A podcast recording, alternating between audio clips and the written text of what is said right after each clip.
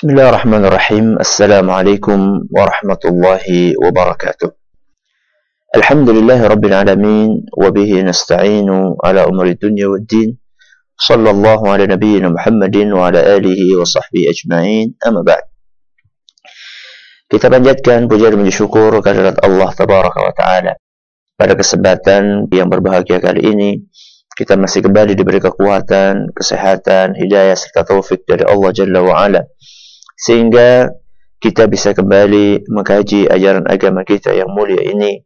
Kita berharap semoga Allah Tabaraka wa Ta'ala berkenan untuk melimpahkan kepada kita semuanya ilmu yang bermanfaat sehingga bisa kita amalkan sebagai bekal untuk menghadap kepada Allah Jalla wa Ala. Amin ya rabbal alamin. Salam dan salam semoga senantiasa tercurahkan kepada junjungan kita Nabi besar Muhammad sallallahu alaihi wa ala alihi wa wasallam uh, kepada uh, keluarganya, kemudian juga sahabatnya serta umatnya yang setia mengikuti tuntunannya hingga hari akhir nanti. Para pendengar radio Insani di Purbalingga dan sekitarnya. Pada pertemuan terakhir, kita telah membahas tentang bacaan tasyahud awal berikut maknanya. Bahwa seorang muslim yang menunaikan salat saat dia duduk tasyahud awal yaitu di tengah-tengah salat yang berjumlah tiga rakaat atau empat rakaat disyariatkan baginya untuk membaca bacaan tasyahud dan bacaan ini sudah kita sampaikan beberapa contoh yang diajarkan oleh Nabi kita Muhammad SAW. Di antaranya lah at-tahiyyatu lillahi was-salawatu wat-tayyibat. Sampai akhirnya. Kemudian juga ada bacaan at-tahiyyatul mubarakatus salawatu tayyibatu lillah. Uh, setelah seorang membaca tasyahud ini, ya, sampai asyhadu an la ilaha illallah wa asyhadu anna muhammadar rasulullah setelah sampai di sini apakah ditambahkan dengan membaca salawat kepada Rasulullah sallallahu alaihi wasallam yakni setelah selesai membaca asyhadu an la ilaha illallah wa asyhadu anna muhammadar rasulullah. Apakah cukup sampai di sini saja? Kemudian dia bangkit menuju ke rakaat yang ketiga. Ataukah dia perlu dan disyariatkan untuk menambah salawat kepada Nabi kita Muhammad SAW dengan membaca Allahumma salli ala Muhammad wa ala ali Muhammad kama sallaita ala Ibrahim wa ala ali Ibrahim innaka Hamidum Majid sampai terakhir. Dalam masalah ini apakah dibaca salawat di dalam tasyahud awal atau tidak? terjadi perbedaan pendapat di antara para ulama. Terjadi perbedaan pendapat di antara para ulama kita. Dan perbedaan pendapat di antara para ulama dalam hukum membaca salawat ketika salat ini hanya berlaku di dalam tasyahud awal.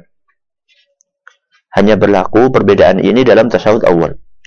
Adapun di dalam tasyahud akhir, di dalam tasyahud akhir, yakni di rakaat yang ketiga atau keempat atau rakaat yang terakhir salat subuh rakaat kedua yang tidak ada dua tasyahudnya adapun di tasyahud akhir maka tidak ada perbedaan pendapat di antara para ulama tentang disyariatkannya membaca solawat jadi yang kita bahas saat ini adalah hukum membaca solawat dalam tasyahud awal ya ini perlu digarisbawahi ya jadi yang kita bahas saat ini adalah hukum membaca salawat di tasyahud awal.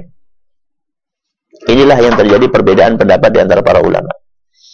Adapun di tasyahud tsani atau di tasyahud akhir, maka tidak ada perbedaan pendapat di antara para ulama ya mengenai hukumnya, yakni hukum untuk membaca salawat. Nah, sekarang di dalam tasyahud awal, para ulama kita berbeda pendapat. Sekurang-kurangnya ada dua pendapat ulama dalam masalah ini. Yakni mengenai hukum membaca salawat dalam tasyahud awal. Pendapat yang pertama adalah pendapat yang mengatakan disyariatkan untuk membaca salawat pada tasyahud awal ini. Ini pendapat yang pertama. Pendapat yang kedua mengatakan tidak perlu membaca sholawat. Tidak perlu membaca sholawat. Jadi pendapat yang pertama mengatakan baca, pendapat yang kedua mengatakan tidak membaca. Pendapat yang pertama ini adalah pendapat yang dianut oleh ulama Syafi'iyah. Oleh ulama Syafi'iyah, yakni ulama bermadhab Syafi'i dan juga dipilih oleh beberapa ulama yang lainnya seperti Ibnu Hubairah Al-Ajurri, Ibnu Hazm Adapun ulama kontemporer di antara yang memilih pendapat adalah Syekh Ibnu Baz rahimahullah dan Lajnah Daimah. Ini pendapat yang pertama yang mengatakan baca solawat. Baca solawat di dalam tasyahud awal. Uh, pendapat yang kedua adalah pendapat yang mengatakan tidak perlu membaca solawat. Tidak perlu membaca solawat. Cukup membaca tasyahud saja. Jadi asyhadu an la ilaha illallah asyhadu Muhammad Rasulullah selesai langsung bangkit. Dan pendapat ini adalah merupakan pendapat mayoritas ulama. Jumhur ulama. Dari kalangan Hanafiyah, Malikiyah, Hanabilah, dan juga pendapat Imam Syafi'i yang lama. Pendapat Imam Syafi'i yang lama. Dan e, pendapat ini, yaitu pendapat yang kedua ini, dipilih oleh Syekh Ibn Utsaimin rahimahullah ta'ala dari ulama kontemporer. Manakala kita mengetahui perbedaan adanya perbedaan ini, maka kita tidak perlu heran. Ya, kita tidak perlu heran ketika kita menjadi makmum. Ya, kadang-kadang ada salah satu imam yang di tasyahud awalnya duduknya lama. Ya. Besoknya kita makmum di belakang imam yang ketika duduk di tasyahud awal sebentar. Ya. Dari sini kita jangan heran, ya. Karena memang dari dahulu ulama kita berbeda pendapat. Sangat mungkin imam yang saat itu kita makmum di belakangnya tasawuf awalnya itu tidak lama, sangat mungkin mereka menganut pendapat yang mengatakan tidak perlu membaca solawat pada tasawuf awal. Sehingga mereka membaca tahiyatnya hanya sampai asyhadu an la ilaha illallah wa asyhadu anna muhammadar rasulullah langsung bangkit. Nah, sebaliknya ketika kita makmum di belakang imam ya, yang imam ini ya, yang imam ini bacaan tasyahud atau duduk tasyahud awalnya lama mirip kayak tasyahud akhir, maka bisa jadi imam ini adalah imam yang menganut pendapat bahwa solawat itu perlu dan disyariatkan untuk dibaca dalam tasawuf awal. Maka saat itu kita mengikuti apa yang dilakukan oleh imam dalam arti imamnya duduk lama kita ikut duduk. Imamnya duduknya sebentar kita mengikuti imam kita. Karena Rasulullah SAW menjelaskan innama ju'ilal imamu liutamma bihi. Imam itu ada di depan supaya diikuti.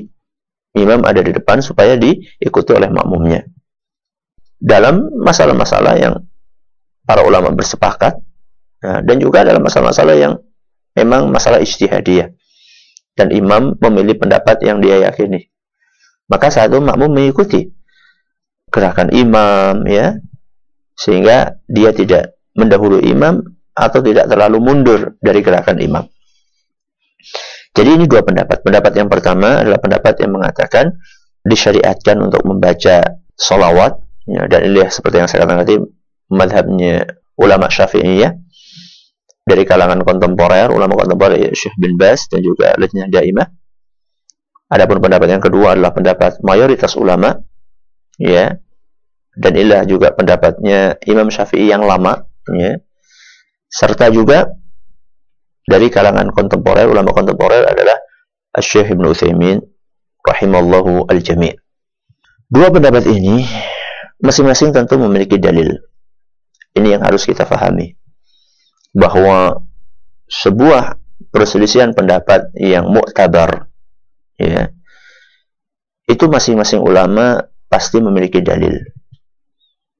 Dan kita sangat dianjurkan untuk berhusnudzon, untuk berbaik sangka dengan para ulama kita. Bahwa mereka manakala memilih suatu pendapat, mereka memilih itu bukanlah berdasarkan uh, kepentingan pribadi, bukanlah berdasarkan hawa nafsu mereka. Ya, bukanlah berdasarkan hanya pengen berbeda dengan lawannya, enggak. Para ulama kita mereka itu manakala memilih pendapat, maka pendapat itu adalah dibangun di atas sebuah argumen yang mereka yakini bahwa argumen itu benar. Ya. Ini perlu kita uh, tanamkan di dalam diri kita supaya tidak muncul suudzon kepada para ulama kita, buruk sangka kepada para ulama kita dan juga tidak muncul di dalam diri kita perasaan uh, menjatuhkan kedudukan para ulama. Ya. Dan ini amat disayangkan di sebagian masyarakat atau sebagian kalangan itu mereka sulit untuk menerima perbedaan pendapat yang memang perbedaan itu adalah sebuah perbedaan yang ditolerir oleh para ulama kita dahulu yaitu perbedaan dalam masalah ijtihadiyah. Dalam masalah khilafiyah ijtihadiyah. Yang masing-masing punya dalil. Tentunya toleransi ini yakni toleransi terhadap pendapat yang berbeda selama itu ada dalilnya dan dianut oleh sebagian ulama yang memang muktabar adanya toleransi ini tidak menghalangi kita untuk memilih salah satu pendapat. Jadi anda silahkan mau memilih pendapat yang anda yakini selama itu ada dalilnya akan tetapi anda juga harus paham bahwa saudara anda yang berbeda pendapat dengan anda dan dia punya ulama yang muktabar bahwa dia juga punya dalil. Sehingga dalam hal yang seperti ini perlu adanya kelapangan dada dalam masalah-masalah yang sifatnya istihadiyah. Jadi kembali kepada permasalahan kita bahwa ada dua pendapat di hadapan kita mengenai hukum membaca solawat dalam tasawuf awal. Pendapat yang pertama mengatakan disyariatkan untuk membaca sholawat. Bahkan, ya, sebagian ulama, ya, sebagian ulama seperti Imam Syafi'i rahimahullahu taala dalam pendapat yang lama beliau mengatakan bahwa dalam kitabnya Al-Um beliau mengatakan bahwa orang yang tidak membaca sholawat dan dia terlupa maka dia tidak harus mengulangi cuman disyariatkan untuk melakukan sujud sahwi. Pendapat yang pertama ini mereka berdalilkan dengan beberapa dalil. Ya, mereka berdalilkan dengan beberapa dalil. Di antaranya adalah apa yang diriwayatkan oleh Imam Ad-Darqutni rahimahullahu taala dari seorang sahabat Nabi SAW yang bernama Ibnu Umar radhiyallahu anhu. Beliau mengatakan, "Kana Rasulullah sallallahu alaihi wasallam yu'allimuna tasyahud." Adalah Rasulullah SAW mengajari kami tasyahud. Kemudian Ibnu Umar mencontohkan bacaan tasyahud tersebut. At-tahiyyatu at-tayyibatu az-zakiyatu lillah. Ini salah satu redaksi tasyahud. Assalamu alayka ayyuhan nabiy wa rahmatullahi wa barakatuh. Assalamu alayna wa ala ibadillahi salihin. Ashhadu an la ilaha illallah wahdahu la syarika lah wa anna Muhammadan abduhu wa rasuluh. Sampai di sini bacaan tasyahud. Kemudian apa kata Ibnu Umar? Thumma yusalli ala Nabi sallallahu Kemudian setelah itu membaca salawat kepada Nabi Shallallahu Alaihi Wasallam. Di sini disebutkan bahwa yu'allimuna tasyahud, mengajarkan kepada kami tasyahud dalam salat. Ah, Ibnu Umar radhiyallahu anhu di sini tidak membedakan antara tasyahud awal atau tasyahud tsani. Berarti redaksi atau zahir hadis ini menunjukkan bahwa salawat itu dibaca baik di dalam tasyahud awal maupun di dalam tasyahud tsani. Dibaca dalam tasyahud awal maupun dalam tasyahud tsani karena di sini dikatakan yu'allimuna tasyahud thumma yusalli 'ala Nabi SAW.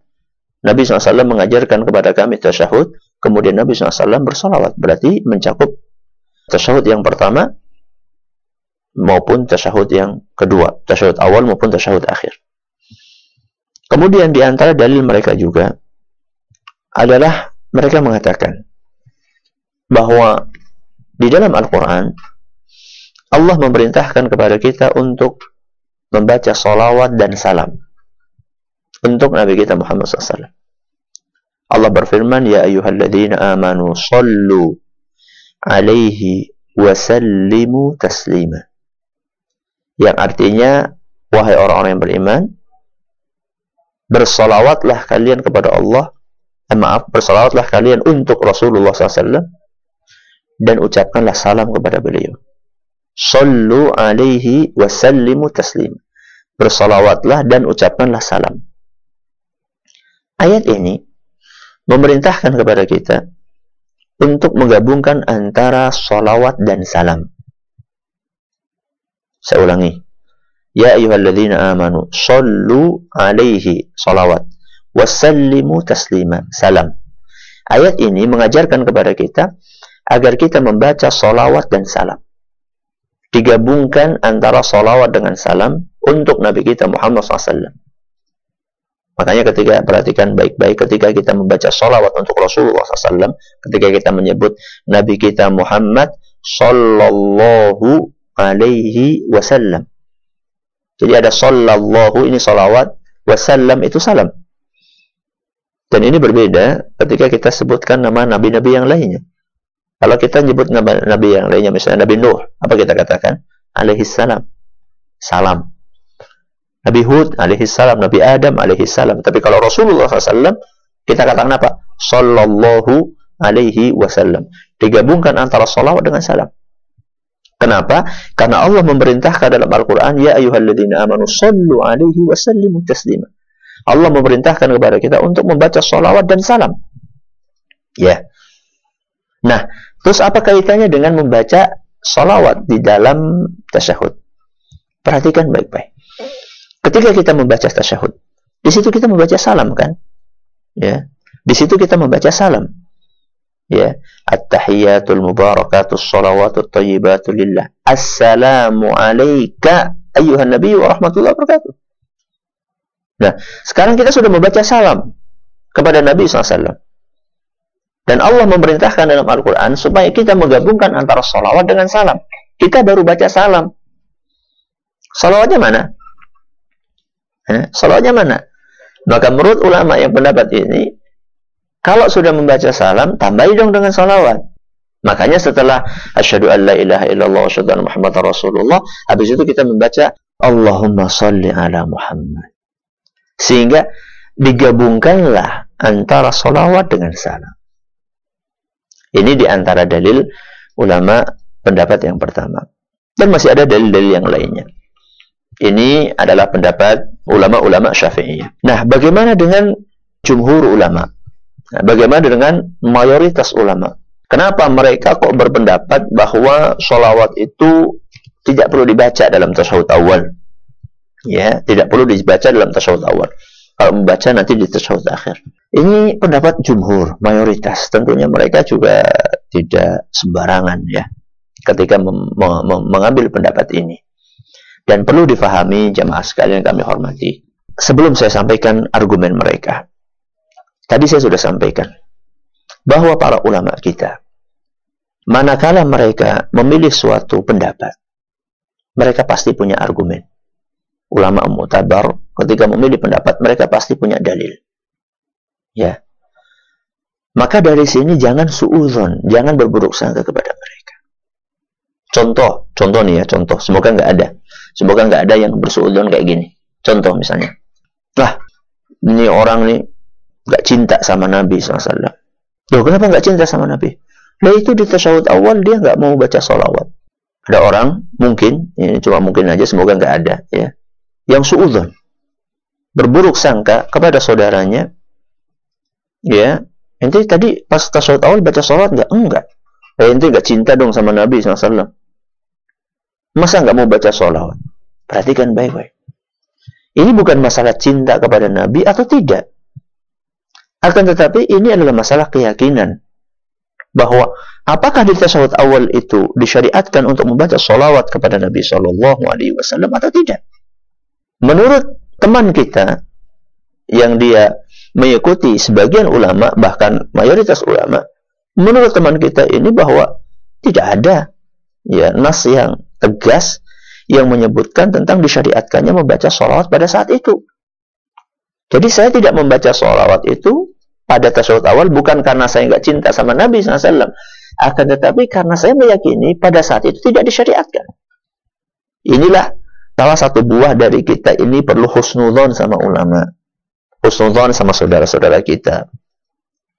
Dan ini mirip, ya, asyai'u bisyai'i yudhkar. Jadi ini mirip dengan sebagian orang yang mau azan. Biasanya kan ada sebagian orang pas mau azan membaca sholawat kan. Sebelum azan Allahumma sholli ala Muhammad pakai mic. Kemudian baru Allahu Akbar. Ya baru kemudian e, membaca azan. Nah sekarang ada sebagian orang menegur wahai saudaraku Pak ya. Tahu kami kalau mau azan itu tidak perlu membaca sholawat ya karena tidak dicontohkan sama Nabi SAW sepengetahuan kami kalau membaca sholawat nanti setelah azan Ya setelah azan sebelum membaca Allahumma rabb hadhihi da'wati tammah baca salawat dulu. Kalau itu setahu kami ada hadisnya. Tapi kalau membaca salawat sebelum azan maka itu setahu kami tidak ada hadisnya. Nah, jangan sampai yang ditegur ini kemudian mengatakan, "Oh, kamu ini ini, ini orang-orang yang enggak cinta sama Rasul ini. Masa salawat aja dilarang?" Jadi, jangan seuzon, enggak cinta, cinta enggak cinta sama Rasul loh, subhanallah. Dari mana kita bisa menyimpulkan itu? Mungkin Anda akan mengatakan, ya karena dia melarang kita membaca, yang melarang baca salawat itu siapa? Ya, kita ini berusaha untuk mencari tahu. Sebenarnya Nabi SAW itu ngajarin salawat itu kapan saja, waktu-waktu khususnya. Apakah sebelum azan termasuk waktu khusus yang memang disyariatkan untuk membaca salawat? Atau tidak? Kalau ternyata setelah kita cari, keterangan para ulama menyatakan bahwa itu bukan termasuk momen khusus yang disyariatkan untuk membaca salawat, maka tidak perlu membaca sholawat. Apalagi sudah ada penggantinya. Apa itu setelah azan? Setelah azan jelas-jelas ada hadisnya untuk membaca sholawat kepada Nabi SAW sebelum kita membaca Allahumma rabb hadhihi da'wati tam. Nah, ini sedikit intermezzo di tengah pembahasan masalah uh, tasyahud, uh, maaf, sholawat di dalam tasyahud awal. Jadi para ulama, mayoritas ulama, mereka berpendapat tidak perlu membaca tasyahud. Kenapa? Karena mereka mengatakan bahwa zahir hadis yang mengajarkan tentang bacaan tasyahud zahirnya di situ Rasulullah SAW hanya mengajarkan bacaan tasyahud bukan solawat jadi zahir hadisnya ketika Nabi SAW mengajarkan tasyahud kepada para sahabatnya di situ beliau cuma mengajarkan tasyahud saja dan tidak disebutkan di situ adanya bacaan solawat Bahkan sebagian ulama mengatakan bahwa tidak ditemukan dalil yang sorih. Sorih itu tegas. Yang gamblang. Bahwa Rasulullah SAW dalam solat-solatnya di tasyahud awal, beliau membaca solawat setelah membaca tasyahud. Menurut mayoritas ulama tidak ditemukan. Hadis yang sorih, yang sahih juga. Yang sorih dan sahih. Ya. Ini dalil mereka yang pertama. Dan ini tentu kuat. Ya, dalil yang cukup kuat. Mereka katakan di mana dalilnya. Nabi SAW pernah e, membaca redaksi yang tegas Nabi, yang terang, yang gamblang. Nabi membaca solawat. Ya, ketika tasyahud awal. Setelah beliau membaca asyhadu an la ilaha illallah. Mana? Ini dalil yang pertama. Dalil yang kedua mereka katakan bahwa para ulama kita di antara Imam Ibn Qayyim al-Jauziyah rahimahullah dalam kitab beliau Zadul Ma'ad. Mereka mengatakan bahwa uh, kebiasaan Nabi SAW di dalam tasyahud awal itu durasinya pendek. Ketika beliau duduk di tasyahud awal, durasinya pendek. Duduknya ringan. Ya, duduknya ringan, nggak lama. Beda dengan tasyahud akhir. Nah, kalau misalnya duduk beliau sebentar, tidak lama, berarti cocoknya adalah cuma sampai asyhadu alla ilaha illallah wa asyhadu Muhammad Rasulullah. Ya. Asyhadu an la ilaha illallah wa asyhadu Muhammad Rasulullah. Bahkan dalam beberapa riwayat dari Abu Bakar radhiyallahu anhu dan juga yang lainnya disebutkan bahwa mereka itu kalau duduk tasyahud awal maka mereka kayak orang duduk di atas sesuatu yang panas. Yakni pasir yang panas misalnya. Kalau orang duduk di pasir panas gimana? Ya, berlama-lamaan atau bersegera? Tentu akan berlama-lama, tentu akan bersegera karena duduk di atas pasir yang panas. Ini pendapat ya, ini argumen yang kedua. Jadi argumen yang kedua mereka katakan bahwa Nabi SAW itu kebiasaan beliau uh, petunjuk yang biasa dipakai dipraktekkan oleh beliau adalah kalau duduk tasyahud awal beliau duduknya nggak lama. Nah kalau dibaca diba, ditambahin dengan uh, ditambahin dengan sholawat nanti jadinya lama.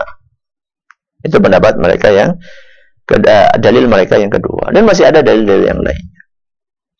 Jadi intinya begini, jamaah sekalian kami hormati bahwa masing-masing punya dalil. Kalaupun Anda mau membaca tahiyat, mau membaca salawat, silahkan tidak apa-apa. Ya. Kalau Anda tidak membaca uh, salawat juga tidak apa-apa karena ada dalil ulama yang berpendapat dengan pendapat tersebut. Ya. Dan dalil masing-masing cukup kuat. Dalil masing-masing cukup kuat. Kalau Ustadz baca enggak Ustadz? Kalau saya biasanya baca. Ya, kalau saya biasanya baca. Ya, kalau saya biasanya baca uh, sholat tersebut ya kepada Rasulullah Shallallahu Alaihi Wasallam. Walaupun kata Syekh bin Utsaimin kalau ada yang uh, tidak membaca hmm, atau ada yang membaca berbeda dengan kita maka jangan diingkari. Kata beliau jangan diingkari. Ya, ada sebuah ungkapan yang sangat bagus ya, yang sangat bagus. Beliau mengatakan ya, wa ma'adzalika law anna ahadan minan nasi shalla 'ala an-nabi sallallahu alaihi wasallam fi hadzal mawdi' ma ankarna 'alaihi. Sebelum saya terjemahkan nas ini, redaksi ini, saya ingin ingatkan bahwa Syekh Ibn Uthaymin adalah salah satu ulama yang berpendapat tidak perlu membaca solawat pada tasyahud awal. Saya ulangi, Syekh Ibn Uthaymin berpendapat tidak perlu membaca salawat pada tasyahud awal. Berarti beliau tidak membaca salawat pada tasyahud awal. Setelah beliau membawakan argumen panjang dalam kitab beliau Syarah Mumti bahwa inilah pendapat yang lebih kuat. Ya, beliau juga membantah argumen-argumen pendapat yang berbeda dengan apa yang beliau yakini. Beliau katakan, "Wa ma'adzalika." Meskipun demikian, "Lau anna ahadan minan nasi shalla 'ala Nabi SAW fi hadzal mawdi'." Meskipun demikian, andaikan ada seorang yang sholat dan dia membaca sholawat pada waktu itu, yakni setelah membaca tasyahud awal dia membaca sholawat, ma'angkarna alaihi. Kami tidak akan ingkari perbuatan dia. Subhanallah. Ya. Kami tidak akan ingkari perbuatan tersebut. Kenapa? Karena mereka juga punya dalil. Sebagaimana kita punya dalil, mereka juga punya dalil. Ya. Maka di sini subhanallah jemaah sekalian kami hormati para pendengar. Inilah akhlak para ulama. Inilah akhlak para ulama. Mara, maka mari kita berusaha untuk meladani mereka. Terakhir, kami teringat perkataan yang pernah disampaikan oleh salah satu dosen kami, salah satu guru kami di Madinah. Syekh Sulaiman Ar-Ruhaili hafizahullah taala. Beliau mengatakan seorang talibul ilm ya, yakni seorang yang belajar ilmu agama. Semakin dia banyak membaca, maka dia akan semakin lapang dada dengan perbedaan pendapat dalam masalah-masalah khilafiyah ijtihadiyah. Semakin dia banyak membaca, dia akan semakin lapang dadanya ketika berbeda pendapat dalam masalah istihadiyah dengan saudaranya. Sebaliknya, ya, semakin bacaan orang sedikit, yakni buku-buku yang dia baca terbatas, sempit yang dia baca satu, dua, tiga buku saja, maka dia akan semakin sulit untuk menerima perbedaan pendapat dengan saudaranya dalam masalah-masalah istihadiyah. Sekali lagi, dalam masalah-masalah istihadiyah yang masing-masing punya dalil. Kita bukan sedang membahas masalah-masalah akidah yang jelas, yang gamblang, yang terang, yang tidak ada perbedaan pendapat di antara ulama dalam masalah itu. Itu bukan uh, bukan itu yang sedang kita bahas. Kita sedang membahas permasalahan ijtihadiyah yang masing-masing punya dalil. Ini yang dapat kami sampaikan pada kesempatan yang kali ini. Kita akan baca beberapa pertanyaan yang sudah masuk yang bisa saya jawab ya. Kalau yang nggak bisa ya jadi akan saya jawab. Assalamualaikum Ustaz. Pertanyaan pertama, saya Raihan dari Banjar. dalam sholat subuh imam membaca kunut sambil mengangkat tangan dan dibolak-balik tangannya. Apakah ini ada dalilnya?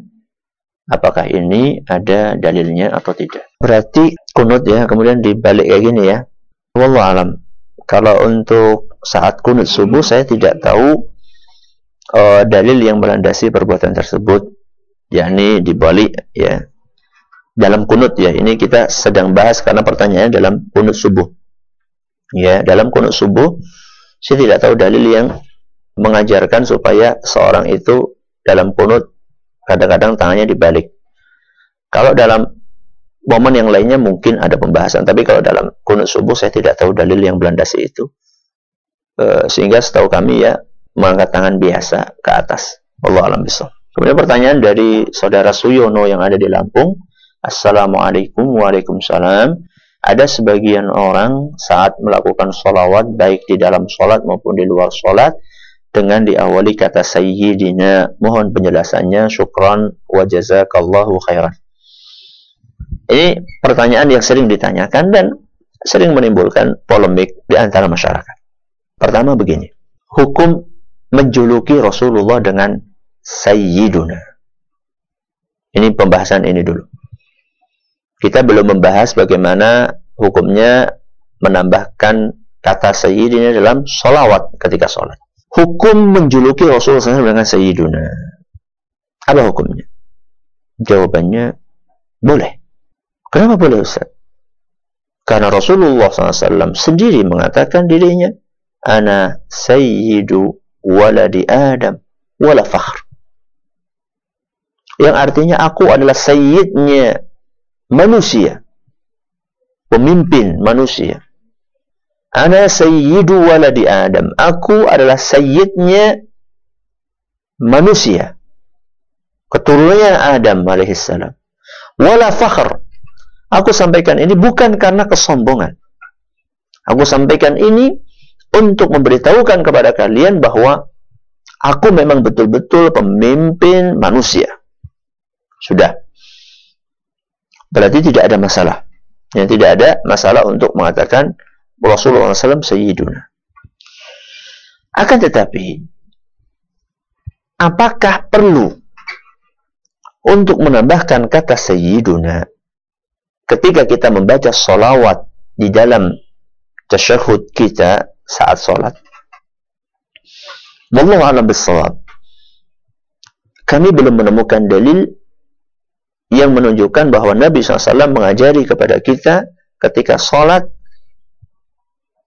saat membaca sholawat kepada beliau supaya ditambah dengan sayyidina. Misalnya nih, setelah asyhadu an la ilaha illallah wa Muhammad Rasulullah, kemudian kita baca sholawat.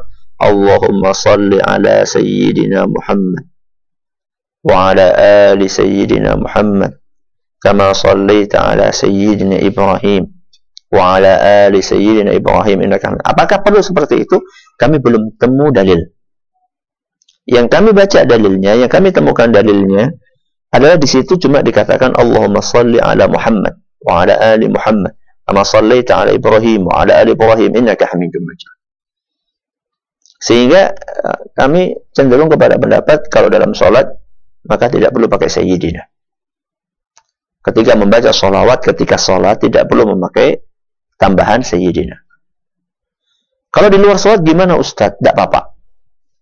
Contohnya dalam khutbah. Contohnya dalam khutbah.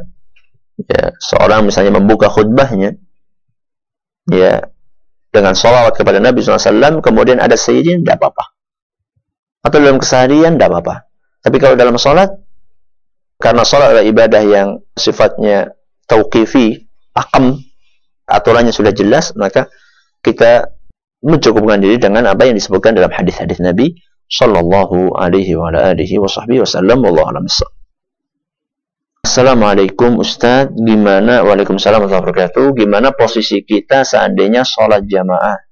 Terus yang sebelah kita mundur karena keluar atau ada uzur. Kan akhirnya baris ada yang kosong. Apa yang harus dilakukan? Apakah kita geser merapat atau dibiarkan saja? Terima kasih. Hamba Allah di Kalimantan. Ya. Ini kasus sering terjadi. Kita lagi sholat, misalnya kita di soft pertama, tahu-tahu ada salah satu dari yang samping kita ini pergi karena mungkin maaf dia buang angin atau pengen ke belakang dan seterusnya. Berarti kan ada soft yang kosong. Apa yang kita lakukan?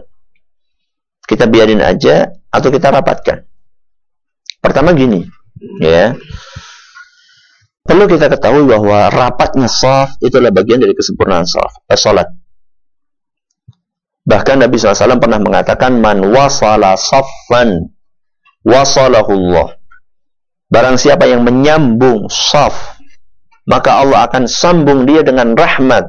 Akan curahkan kepada dia rahmat dan kasih sayang. Jadi saf itu, kalau ada yang pergi berarti kan akan kosong. Berarti ini putus. Maka barang siapa yang nyambung saf tersebut, merapatkan saf itu kembali, maka Allah akan curahkan kepada dia rahmat dan kasih sayang.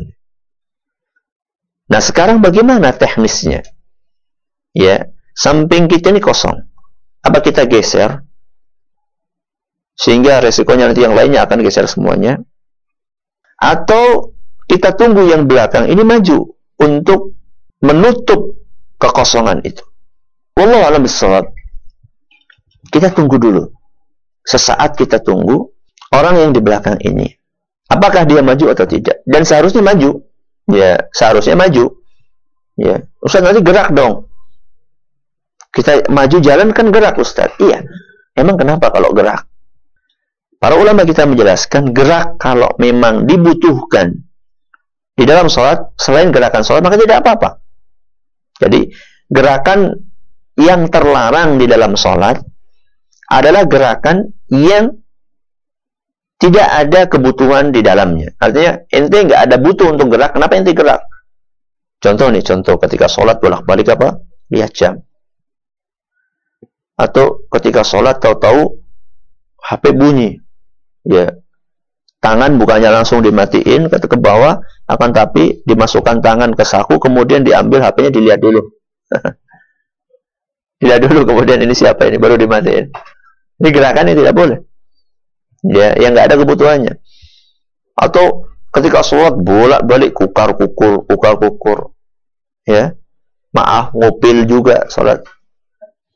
Ya kemudian bolak-balik memperbaiki merapikan baju. Ya kemudian dilihat bajunya ini ada apa ada ada benangnya yang belum putus nih cabut. Itu nggak boleh. Gerakan-gerakan yang tidak diperlukan.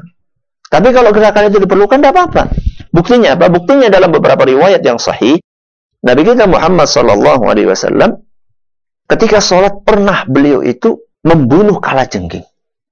Membunuh kala jengking ketika sholat. Ya. Ketika sholat bunuh kala jengking. Kala jengking kan cukup sekali. Blok, blok pakai sandal blok. Bunuh, dipukul, dipukul, dipukul ketika sholat. Ustaz itu kan darurat. Taib. Sekarang coba perhatikan. Ini bukan darurat. Nabi SAW pernah sholat beserta membawa cucu beliau namanya Umamah. Ya, pernah beliau sholat membawa ketika sholat bawa gendong cucu beliau Umamah. Ketika beliau akan ruku, beliau letakkan Umamah. Ketika beliau bangkit kembali, ya, beliau gendong lagi. Ketika sujud, beliau letakkan. Nah, ini berapa kali coba? Gerakan itu berapa kali? Jadi gerakan dalam sholat itu kalau diperlukan tidak apa-apa. Kembali kepada masalah tadi. Sekarang soft di depan Anda kosong. Maka yang benar adalah orang yang di belakangnya segera maju ke depan. Langkah, berapa langkah, maju ke depan. Nah, sekarang masalahnya Ustaz. Kita udah tunggu-tunggu. Kok gak maju-maju? Entah yang di belakang nggak tahu atau ngantuk. Ya, entah yang di belakang nggak tahu kalau itu disunahkan untuk maju atau yang di belakang ini ngantuk atau ngalamun. Itu bagaimana Ustadz? Ya sudah kalau udah ditunggu, nggak juga Anda geser. Nanti yang sebelahnya geser lagi, geser lagi, geser sampai rapat kembali. Itu wallahu a'lam solusinya. Pertanyaan terakhir. Assalamualaikum Ustaz. Waalaikumsalam. Apakah ada khilafnya ketika meluruskan jari telunjuk yakni menunjuk ke depan apakah dimulai mengucapkan tasyahud awal atau ketika mengucapkan dua kalimat syahadat Mohon pencerahannya. Syukran. Jazakallahu khairan atas ilmu bermanfaat. Dari Rizal di Singkawang. Ya, sama-sama. Terima kasih atas doanya. Semoga kita semuanya mendapatkan ilmu yang bermanfaat.